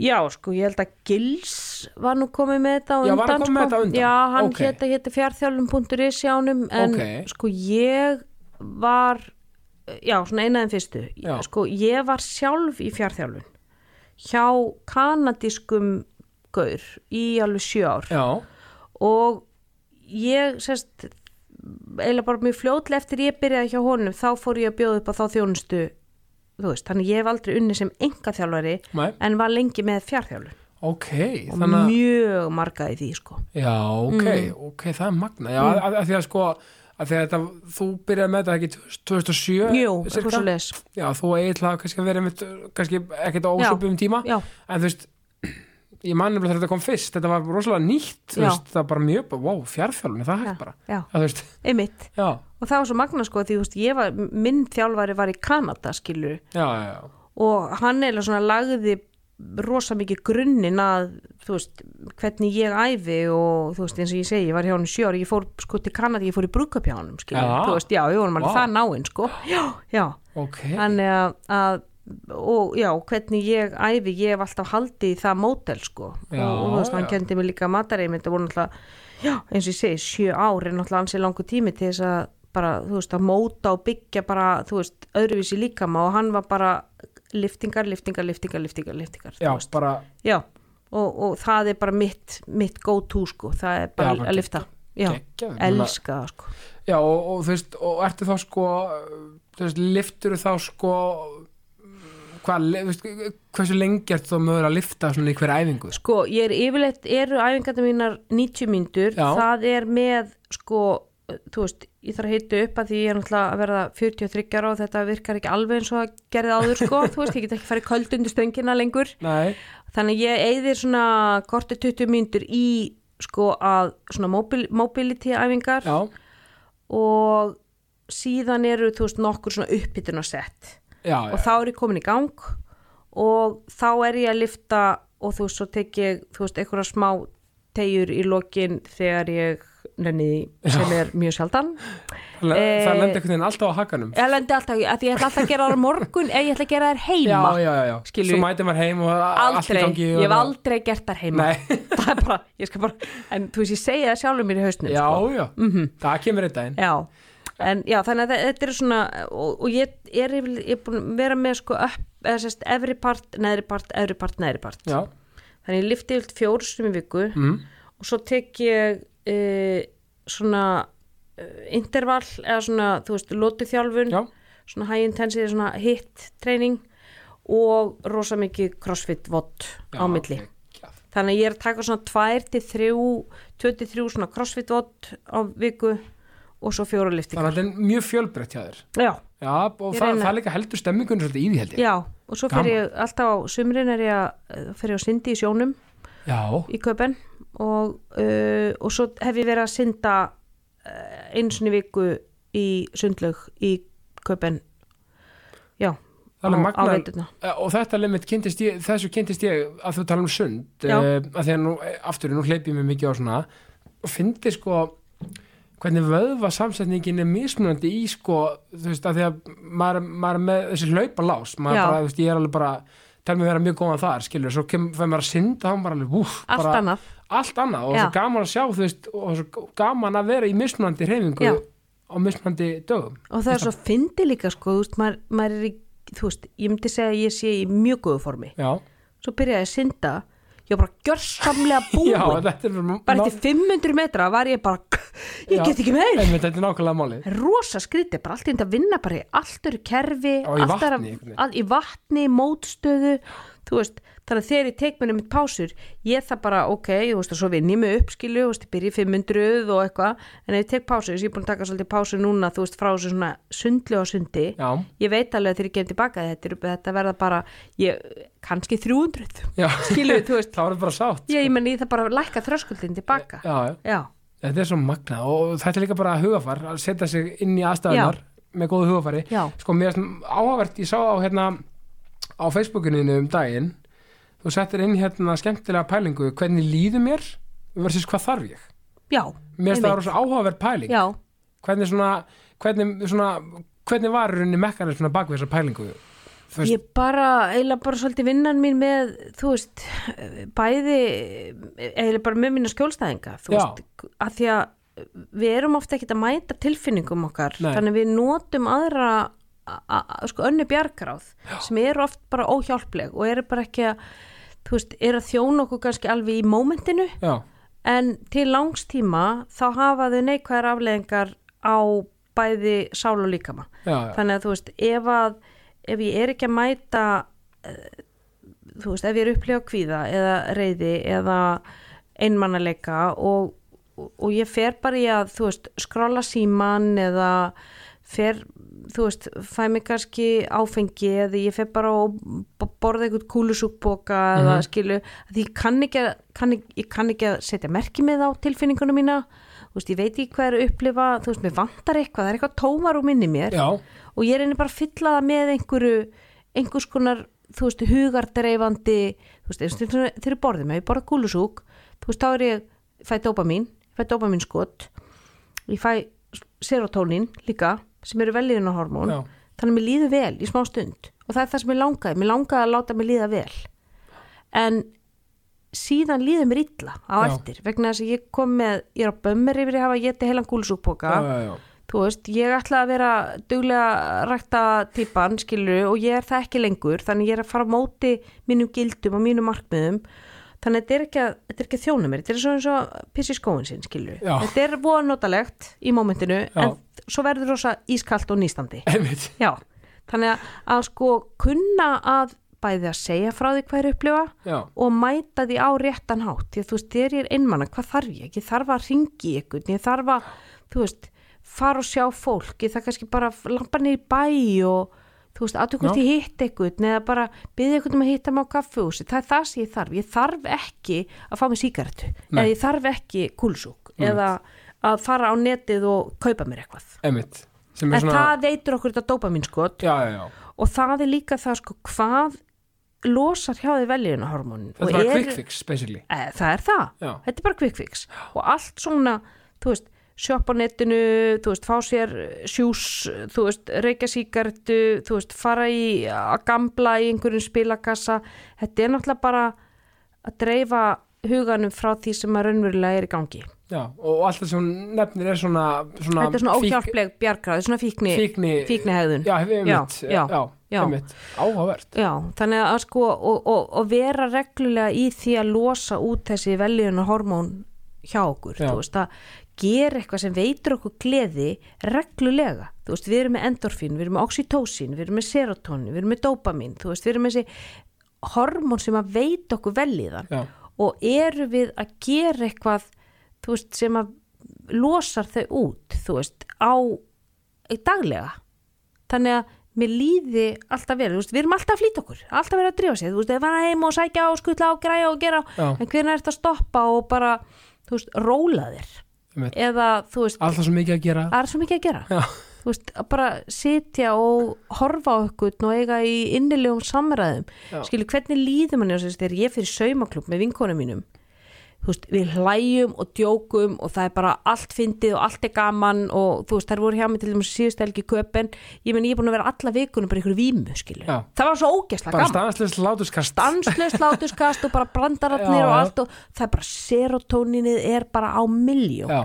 og þú getur ekki verið í fílu eftir svoleiðis Nei. þannig að þú veist, er maður að gera næra þessa taugar á reglum basis Einmitt. það margir bara vanrækið það já, bara, skulum bara fara að rekta að okkar innri hvað maður að segja, innri eh, okkar innri mannskju innri, innri frið og innri gleði já, gleði, hvað veitir mig gleði einmitt, og það er bara mismöndi hjá hverjum og einum þú veist, algjörlega og ég meina bara, þú veist, rannsóknir sína bara að, að það bara að hlusta á ákveðna tónlist skilju, hún losar út þessi veljunaormón, skilju, eitthvað sem að eins og ég var að tala um aðeins, þessi angur var sem ég fæ ef ég heyri eitthvað, þú veist ástarsorgarlag frá því ég var 15 ára skilju, Já. það losar út ákveðin hormón, skilju, af því að, að, því að við erum beisli bara verur keirðar af ek- einhverju orku, taugum og einhverju já, tilfinningum sko. já, já, já, já þannig að þetta er alltaf, í ga- það er alltaf eitthvað árið innan gæsalabba, eitthvað í gangi sem vekur upp eitthvað, eitthvað staðar og minningastöðin, Hún er- Minningastöðin, já, sko. ég meina hún er mandlan í hausnum, ég meina hún er ekkert smá öflug, sko, einmitt, já,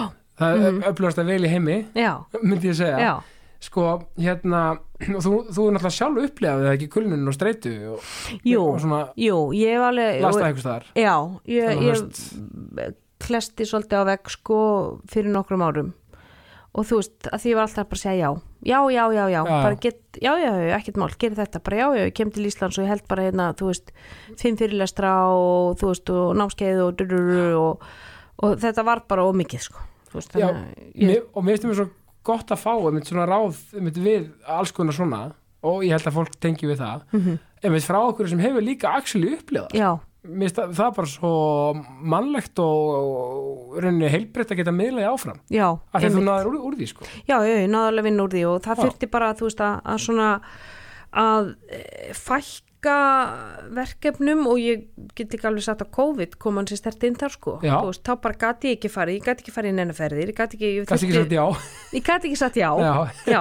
þannig að þú veist, eina sem ég var að gera var bara að ég var að fara í vinnuna Já. og þú veist, ég gat, ég gat farið á stofuna og ég, ég mátti fá skjólstæðinga því við vorum undan þegin Já, COVID-reglum þetta sko, var því við erum svona- heilbriðistjónusta já, já, þannig að þú veist, ég var bara með skjólstæðinga á stofunni og í gegnum fjárfundabúnað og þú veist, ég var bara eins og eðlileg manneskja þú veist, sem fer bara í vinnu frá, þú veist, nýju til fjögur Ekkert og kemur eitthvað svo, auka. nei, og kemur svo bara heim til sín og er bara, fer, þú veist, mögulega kannski eina ferð á ári, skilur ég var bara, skalaði bara aftur til 1984, skilur akkurat já, og þá kom bara þessi ró í tögakerfi sem þurfti, sko einmitt. af því ég held einmitt að margir tengi við þetta í krigum COVID sko Já. tímabili, af því að eins ömurlegt og eins og leðilt að það var hræðilegt og Já. það var sko bara líka bara í svona læknisfræðilegum og, og bara skilningi og bara hversu margir letur lífið og annars líkt Mm.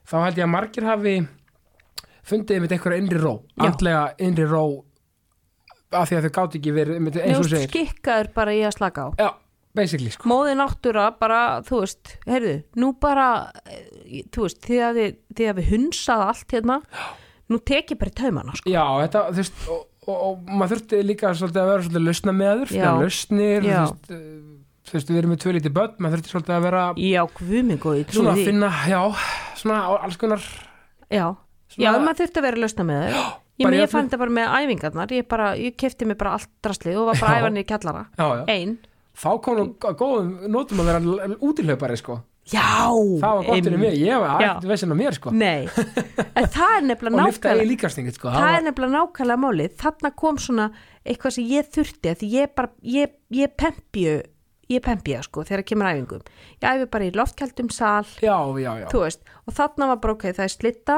það er janúar ég verð að fara það er dimmt, ég þarf að æfa, Mhm. þannig að nú ætla ég að fara út og hita upp og þú veist, ég þurfti alveg bara ok Ragnhildur Þóruðdóttir, þú ert vasseld já, þetta er ekki, þetta er örgla minnsta mótlæti sem einhver getur lendi í það er að fara út að hlaupa í slittu já, skilur, þú veist þannig að ég þurfti einmitt að fara þangað að bara hættu þessu væli já, já, já. rosalegt kampavíns vandamál sem já þú átt við. einmitt, einmitt eh, sko þetta er mér stemmið svo fyndið maður segir út sko þegar hérna, einmitt að vera kvart yfir mér svo fyndið einmitt að vera kvart yfir veðri sérstaklega á Íslandi, já, maður hleypur í þessu já já, uh -huh.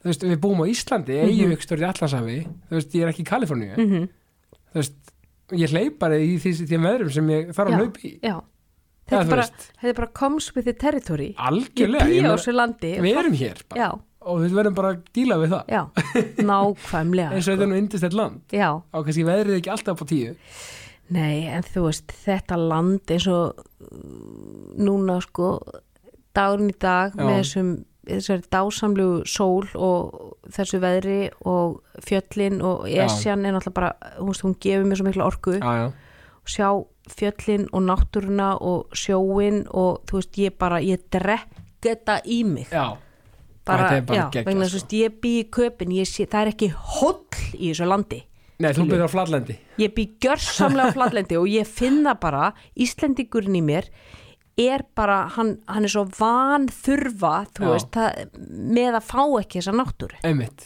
við þrýfum stáðinni sko ok, al algjörlega Já. ég meina, þú veist, og bara standa og sjá þú veist, snæfilsjökulinn og alla þá línu og Já. ég meina sólsetrið í gerkvöldi og náttúrulega bara bilað sko já, já, og bara harpan þarna við sjóin og það, veist ekki, ég, ég bara, ég trillist yfir Já, þessu, sko. það er einhverju töfrar á þessu yndislega land okkar Já. sko, og og maður er mitt, þú veist, maður fer kannski þú veist, að því að við, við, við, við, við búum hérna, þú veist, ég og mín, mitt, mitt fólk skilur þá, það, ég held ég hef oft sagt það, sko, það er eiginlega ekki til betri staður en Ísland, sko þegar maður býr hérna, Já, skilur við að koma heim til, já, ég veit, það er kannski örgulega bara þegar maður, maður býr hérna, Já. skilur við en þú veist, maður kannski kemur frá, eins og í sumar vorum á- í Tarvíkur á Spáni, já, kemur heim og maður er svo þakkláttur fyrir að búa hérna já, og vera Íslendingur einmitt, eða þú veist, bara ekkert, ekkert að spáni skilur við, bara að því að það er svo bara fest hérna eitthvað og bara það er bara svo geggjað að búa hérna ég veit það, það er bara svo, einmitt, þessi fersk, þetta ferska loft og, já, þú veist, þessu núni, menn það er, það er kannski, ég veit ekki, 16 stegi hiti, en það er bara bongo blíða, já, skilur, 16 stegi hiti í köpinn er bara ógæsla kalt, já, um mitt já, þetta er bara Nákvæmlega. allt annað einhvern veginn, þetta er allt annað lofsla, allt annað hitastig og, Já, já. og þú veist, og það er bara, það verður allt svo, það verður allt svo dásamlegt, Æjó, já, en, en líka þú veist, menna, Danmörk er nú kannski ekkert, sko, jú, þannig að það verður sumrin í Danmörku, er þau ekki alveg ótrúlega góð alltaf, jó, það var alltaf geggjað sumar í sumar. eða ekki? alveg Bara fáránlegt hitabylgja, sko. ekki? Jú, það var alveg hitabið það var, það var bara gott viður eiginlega allan júli og allan ágúst Já, sko. já, já. Svona, já, það myndi mér pínlítið á sumarið 2018, það var svona hitabylgja líka allt Já. sumarið þannig þú veist, ég var í ég, ég, meina, ég hef ekki farið í síðbuksu síðan í mæ skilurðu. þú Nákvæmlega. veist, ég hef mér bara búin að vera í stuðbuksum og sandulum Já, já, um, þannig að og það, það kemur alltaf garanterað einhverja tvæð þrjá vikur af hitabylgju já, ekki, þú veist, maður getur alltaf stólað á það sko einmitt og þú veist það eru strendur bara út um allt í borginni þannig að þú veist við erum með eina sem er bara tímyndu frá okkur þú veist um við erum tímyndur hjólanga og ég menna ég get farið á ströndin eftir vinnu þú veist þannig að þetta er rosa lífskeiði að búa þarna á Einmitt. sumrin og þú veist þegar þú ert í februar í úða og gráu skýi að hjóla í vinnuna þú veist þá hugsaðu ok það er ekkert svo mikið eftir því ég veit ég fæ sex mánuði af Já, sól þú færir þetta tilbaka ég fæ þetta Já, og ég veit að ég fæ þetta já ég get ekki stólað á það hér Nei, maður getur lítið stólað Já. hérna, sko, en, en þá einhvern veginn verður mindseti þannig að maður bara, að ég tek- tekið bara sem kemur já, Einhvern það er veginn. svolítið Já, það, þetta er alveg magna já. sko. Myndur þú segja sko, hvar stöndum við í dag gagvart svona lífstil sjúkdómum og fleira, erum við á réttri leið bara sem heimur eða þú veist, eða, þú veist erum við, er þetta auka er þetta aukast? já sko m- mér finnst sko þú veist yfirþyngd er að aukast Já. en hún náttúrulega er ekkert alltaf sko tengd við lífstilsjúkdóma skilur Nei. að því að e, það að vera eitthvað of þungur og stór er ekkit endilega samnefnar við það að þú sért ekki heilsurustur? Nei. Já, og, og það er bara mismöndi kannski bara eftir fólki já, það er bara mismunandi eftir, eftir formum skilu þannig að það er rosalega mikið verið að skoða sko þyngd og BMI og, og, og svoleiðis Mhm. en, en sko gagvart svona eh, lífstíls sjúkdómum Já, meni kannski sikursíki eða svoleiðis Já, síkusíki 2 og Tvö, svoleiðis já. er, er bara, þú veist, þetta eru svona rannsóknir sem ég hef nú ekki bara ekki fylst nógu mikið með síðustu ár, Nei. sko, hver, hver, hver staðan er á því, að því ég hef svona farið meira inn á, þú veist, þessa þessa uh, svona binge eating ofáts hegðun uh, og, og hvernig við getum gert treyfinguna af van en það sem mér finnst svona bara sem svona áhorfanda Já, er að mér finnst miklu, miklu fleiri vera að gera hreyfingu að þetta er, það, það, er, það minna um þessa stóru toppa eins og inn á líkasættstöðum eins og var já, það sem að var, þú veist, kom þessi rosalega janúarbylgja Já. og rosalega septemberbylgja mér finnst það hafa minkað mikið vegna þess að mér finnst fólk vera allt árið að hreyfa sig og að sinna heilsunum, mér finnst miklu, miklu fleiri vera bara í að halda þessu momentum, já, e- emmitt já sem að síðan mun skila sér í betri heilsu kannski komið meiri meðutund fyrir heilsunni eða þú veist meiri miklu Já. meiri það er bara orðið miklu meiri með þetta við erum með heilsu daga þú veist, í netto alltaf tvisara ári, Já. fleiri búðir farnir að taka þetta upp það er fara að vera, þú veist, meiri vakning fyrir streitunni og hvað skadvaldur hún er því að þú veist, streitan er í rauninni miklu meiri skadvaldur heldur en nokkuð tíman sko þyngdin já, hún hefur líka bara áhrif á líka mósál sko. mm. hún bara, sko, hún stimplar okkur bara út sko. þannig að þú veist, það er líka þetta- allt þetta rosalega mikla álása miklu kröfur að við förum aðeins að minka þær og það sem að skiptir mestu, allra mestu máli og er bara botnin á píramítanum já, er svefnin svefn, já, einmitt og það er orðið miklu meiri vitundavakning um svefnin og mikilvægi hans já, og þú veist þetta var alltaf ég sé bara í fjóra tíma, ég sé bara þeir döður og eitthvað já veist að þú deyr bara miklu fyrir að þú sefur svona lítið já, já, já. það er bara þannig, þannig að þú ert enginn kall í krabbinu sko Mæni. og að þú veist að geta státa okkur að heyrðu, veist, ég svaf bara í nýju tími í nótt bara vá, geggjað, heyrðu, ég ætla bara að fara rosa snemma að sofa í kvöld, mér veist fólk vera komið miklu meira þanga já, af því að það er engin sjúkdómur þar sem svefleysi kemur ekki að sögu já, nákvæmlega það er það sem Matthew Walker, mitt idol já, það er það sem hann segir og bara hann er náttúrulega líka bara byltinga sinni þegar að kemur að þessu hann er búin að gefa út þessa bók og bara reyna að þú veist, opna augu fólks fyrir því hvað gerist það, þetta verður áhrif á alla heilsuhöðun ef að svefnin er ekki í lagi þá erum við, þú veist, okkur gengur verra á æfingu við borðum verð, þú veist, grelín svengdarhormóni fyrir upp leptín fyrir niður, þannig við erum alltaf svöng og aldrei sött, við sækjumst frekari einföld kolvetni, við borðum 500 kaloríu meira ef við bara tökum svefnin bara úr 80 niður í 6 skilur þannig að Ok. okay. rannsóknir sína það bara það er já, svakalegt já, og þessar 500 kaloríu koma allar úr einföldu kolvetnum þannig að þú veist, það, það er bara he- hegðunin hjá okkur breytist þegar við erum svefvana, þú veist, við erum útsettari fyrir streytur og útsettari fyrir kvíðahugsunum þú veist, gapa sem er sko, þú veist, líkil bóðefni í kvíða það sko lækkar bara um, sko getur lækkað um að heil 50% bara Já. við það að, að sko vera svift svefni þannig að þú veist, það er, það er nánast ekkert kerfi í okkur sem sveflis hefur ekki áhrif á einmitt, þannig að það eru svona þessi þessir, þessi heilsu þú veist, svefnin, mataræði reyfing, þú veist mér finnst þau vera að standa okkur betur Já. það er orðið meiri vakning, það er orðið meiri og bara, mér tilkomið bara samfélagsmiðla aðgengja upplýsingum Einmitt. þetta bara hjálpar allt til já áverð líka með, það- með svefnina því að maður oft einmitt svona oft veldi fyrir sér einmitt hversu nákvæmlega mikil áhrif hann hefur já, gríðaleg eh, gríðarleg, já, já. samræming huga og handar, þú veist ég geta séð það hjá rottum til dæmis sem er að læra einhverja nýja sko, nýja, nýja hegðun eða svona þú veist, þú veist að slá á eins og rottur er alltaf að láta hann gera slá á einhverja slá eða þú veist, einhverja svona íta okkur svona slá já, eitthvað, einmitt, já, Já, og það er kannski er mér kent að íta eitthvað svona þú veist, tvisvar og svo þrísvar rætt eða eitthvað Já, skilur já, já. að þá sjá þeir á, sko, þegar þær fá djúpsefnin að þá eru þær að endurtaka þetta bara á, sko, svona sjöföldur hraða Já, skilur það- bara dit, dit, dit, dit, dit, dit, já. skilvirkari Já, þú veist, það er, það er að endurtaka þetta í hausnum þessa, þessa, þessa runu, þú veist tvisar hægt, þrísar rætt eitthvað já, en það er að gerast á einhverjum sjöföldum hraða í, í heilanum þannig að það er að festa sko minnstrið í sessi inn í dögakerfinu svo koma Ok. okay. daginn eftir og þeim gengur betur og þetta er sama og þið sjá hjá þú veist, íþróttamönnum og allt að samhæfing huga og handar er lélegri ef þú hefur fengið minnisvefn og það er eitt sem að fólk getur skoðað hjá sjálfu sér, það er gripstyrkurinn ef að þú sko gripið þitt er lélegt þá getur oft fundið að eða, sérst, ef þú hefur sofið illa og þú reynir bara, þú veist til dæmis tekið oft, ég held oft á lóðaplötu og þá finn ég sko ef hún er alveg bara ef ég, höndin á mér er eins og bara búðingur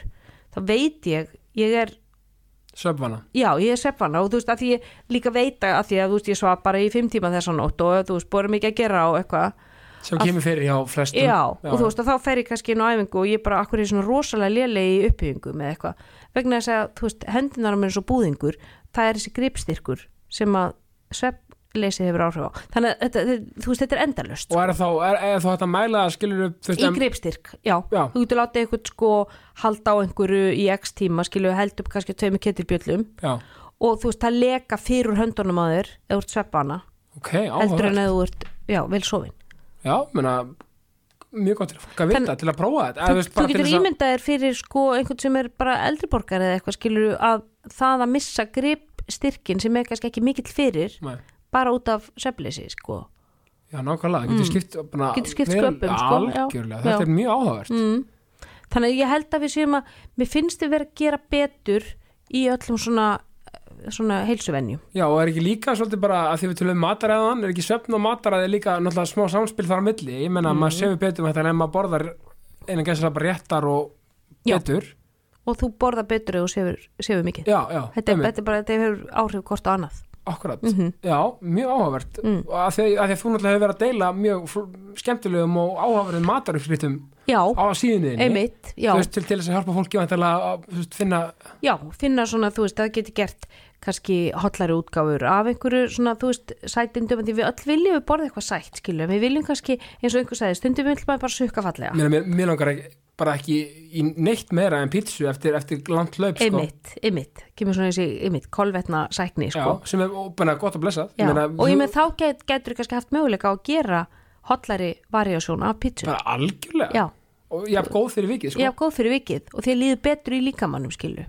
Það er líka það, að hvernig líður okkur eftir, þú veist, Já, okkur líður oft ekkit vel innan ef við erum búin að borða, þú veist. mér finnst þetta líka alveg magnað eftir langt laup þá finnst mér ekkit betra að hún fá mér bara bara vasklas bara að því að mm. nú er bara svona kanna fyrir fram eða Já. svona, eitthvað svona kanna hérna að- að- að þetta er svona uh, hvað er þetta, rauðvins svona hérna Já, karafla. karafla, já, Já. þetta er karafla, já mér mér langar mér í það og kaffiballa Já, ég veit ekki af hverju það er nei, í mitt. þú veist bara kaffi, þú veist, mér finnst bara gott bara að heit, heit, heitu kaffiballi já, Já, eftir hlaup. já. Já. Veist, bara vatn og kaffi Já, já. það er bara eitthvað En Ég- kannski, kannski er eitthvað vani líka, þú veist að... mögulega, Já, já. mögulega Já. eitthvað koff, koffin Já, dæmi þú- já. þú veist, en, en ég, nú drekki sjálfur ekki sko gos nefn bara sótavatn Já, þannig að þetta kannski kemur koffin geti verið. Já, Þannig já. er þetta að fá koffin, koffinið, já. al, algjörlega mm. meina, og, og, og koffin er mæntalega ekkert óvalt fyrir okkur í, ó- í hófluðu magni Í hóflugumagni, sko. Það er, er, er miða við held ég þrjú milligram per kíló líkansþyngd allavega fyrir konur, sko. já, einmitt Að, ég mitt, og fá líka koffinni kannski úr, þú veist, betri eins og úr kaffi eða grænu te já, eða frekar þannig heldur en ginseng. einhverjum orkudrykkjum Já, þessi orkutekki, þeir eru oft með þetta, þú veist, þetta er svona uh, koffin sem að spækar okkur rosa hrattu. já, já, já. Já. svona, ka- svona en að gesa bara svona Ge gerfi koffin. gerfi koffi, Mm. já, eða þú veist eitthvað Þetta- já. já. Að það er kaffi náttúrulega bara náttúru Sýnergist svona koffi eitthvað, já. Já, þetta komur nefnilega svolítið á, ekki það, ég er náttúrulega kannski ekki fræði grein um þetta, en þú veist ég las einhvers staðar um þetta að kaffi væri sko, þú veist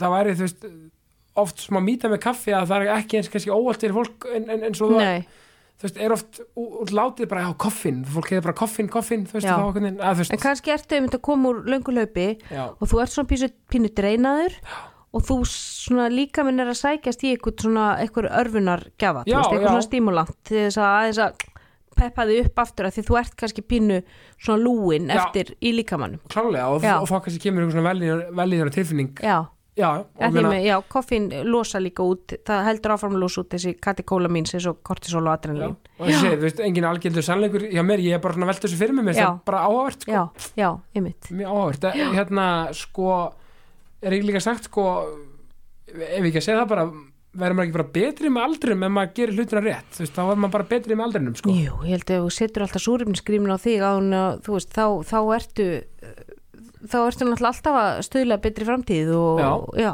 ekki spurning, ég meina ef þú setur þig í forgang og þú veist, kannt að setja mörg og, og bara þú veist, þú ert að sinna sjálfum þér í uh, öllum þeim skilningi bæði andlega og líkamlega mm -hmm. þá held ég að við séum verðum alltaf betri einstaklingar með, með árunum, við erum bara svo góður ostur bara nákvæmlega góður ostur og, Já. og gott vín sko Já, sko, já, ég meina og, og, og, og þú ert alltaf líka í hlaðvarpsleiknum eins og já, ég, Með já, heilsu- heilsuvarpið? heilsuvarpið Já, já, mjög einmitt. skemmtilegt Já, hlaðvarp ég var, takk fyrir. var, er búin að hlusta svolítið nú bara Já, síkast mjög takk- gaman Takk, takk, já, ég er einn að fá svona, þú veist, kannski ekki endilega einhver svona, einhver, eh, þú veist, risanöpp sem að, en ég vil fá fólk sem að veit eitthvað og Já. er svona fræðingar á sínu sviði og, og þú veist, og, og bara læra og, og miðla áfram og fá einhver svona verkfæri sem fólk getur tekið með sér og svona, mér finnst það mjög mikilvægt. og það er svo mikilvægt og þú vil líka virka bara á mér sem típa einmitt sem ert, þú veist, þú veist, þú ert með þínar þú veist, skoðanir á, á, á hlutunum, skilur og, Já. og vinnur bara sagast þinni samfæringu en ert líka opinn fyrir að fá, þú veist ég segi gaggrinni því að gaggrinni er ekki neikvætt orð, Nei, þú veist, að rýna til Rýna til gags og gags. fá, þú veist, aðrar pælingar og að- Ja, aðrar hliðar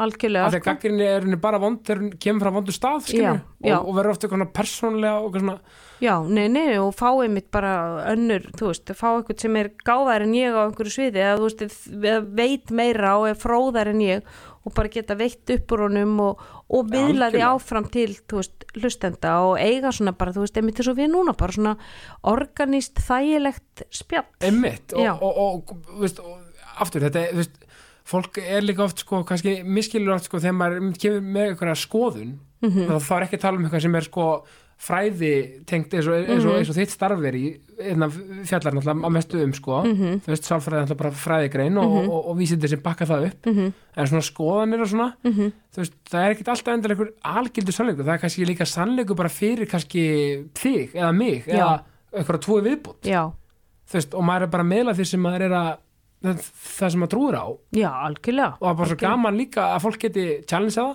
Já. og líka bara tekið við því Já. bara þín skoðan flott, æðist Já, að því maður þarf einmitt geta tekið við því og það er líka bara svona merkjum ákveðin þroska, þú veist, að fá, fá á sig gaggrinni og bara, heyrðu, takk fyrir þetta ég ætla, hérna, ég ætla að taka þetta til mín og reyna að bæta mig, eða þú veist, eða já, já.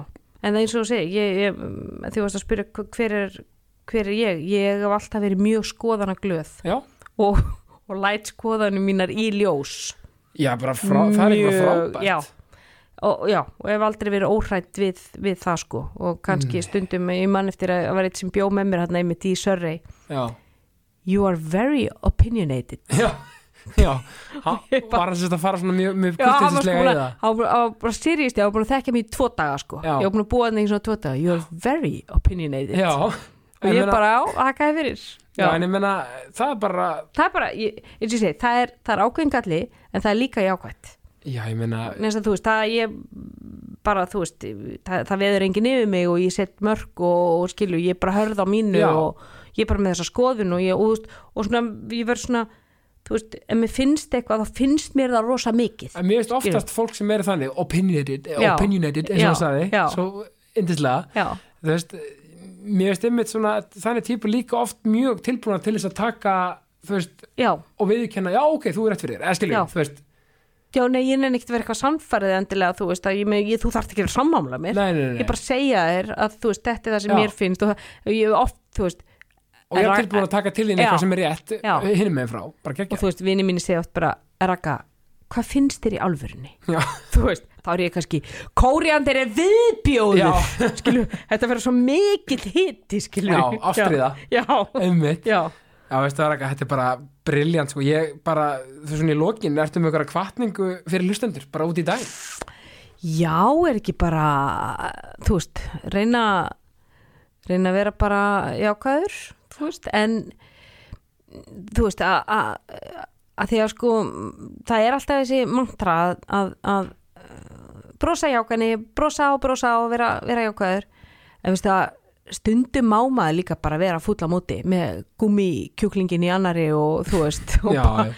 bara svolítið, þú veist en, en að óna Já. það skilur bara, æ, sorry, ég, ég er bara eitthvað mondan dag Heyrðu, já, bara, og þetta er ekkert með því að gera nei, nei. og ég er bara, bara eitthvað, þú veist, ég er bara pínu byrjaður á hérna, Já. þú veist, ekkert með því að gera. Nei, bara la- látt mig verið smá já, stund þannig að normalisera það að vera ekki alltaf bara, heyrðu, jú, allt í gutti bara hjá mér, Já, skilur, vera ekki einmitt. alltaf með þetta leikrit, þú veist, að því þá líka, þú veist, leifu við öðrum að bara, ok, heyrðu, það er bara hér ákveðin Já. þú veist, skilaboð og hann er bara að setja ákveðin mörg og já, að, að svona normalisera það að þú veist, okkur má líða alls konar já, og við erum ekkit verri manneskur og eitthvað, þetta er ekkit með hinn að gera þannig að við séum ekki heldur alltaf ykkur people pleasing að, þú veist okkur má bara líða eins og okkur líf mannesku geðjun, já, nákvæmlega, já. nákvæmlega enga, enga hérna, meðvirkni takk Nei, enga meðvirkni og, og bara og, og normalisera það að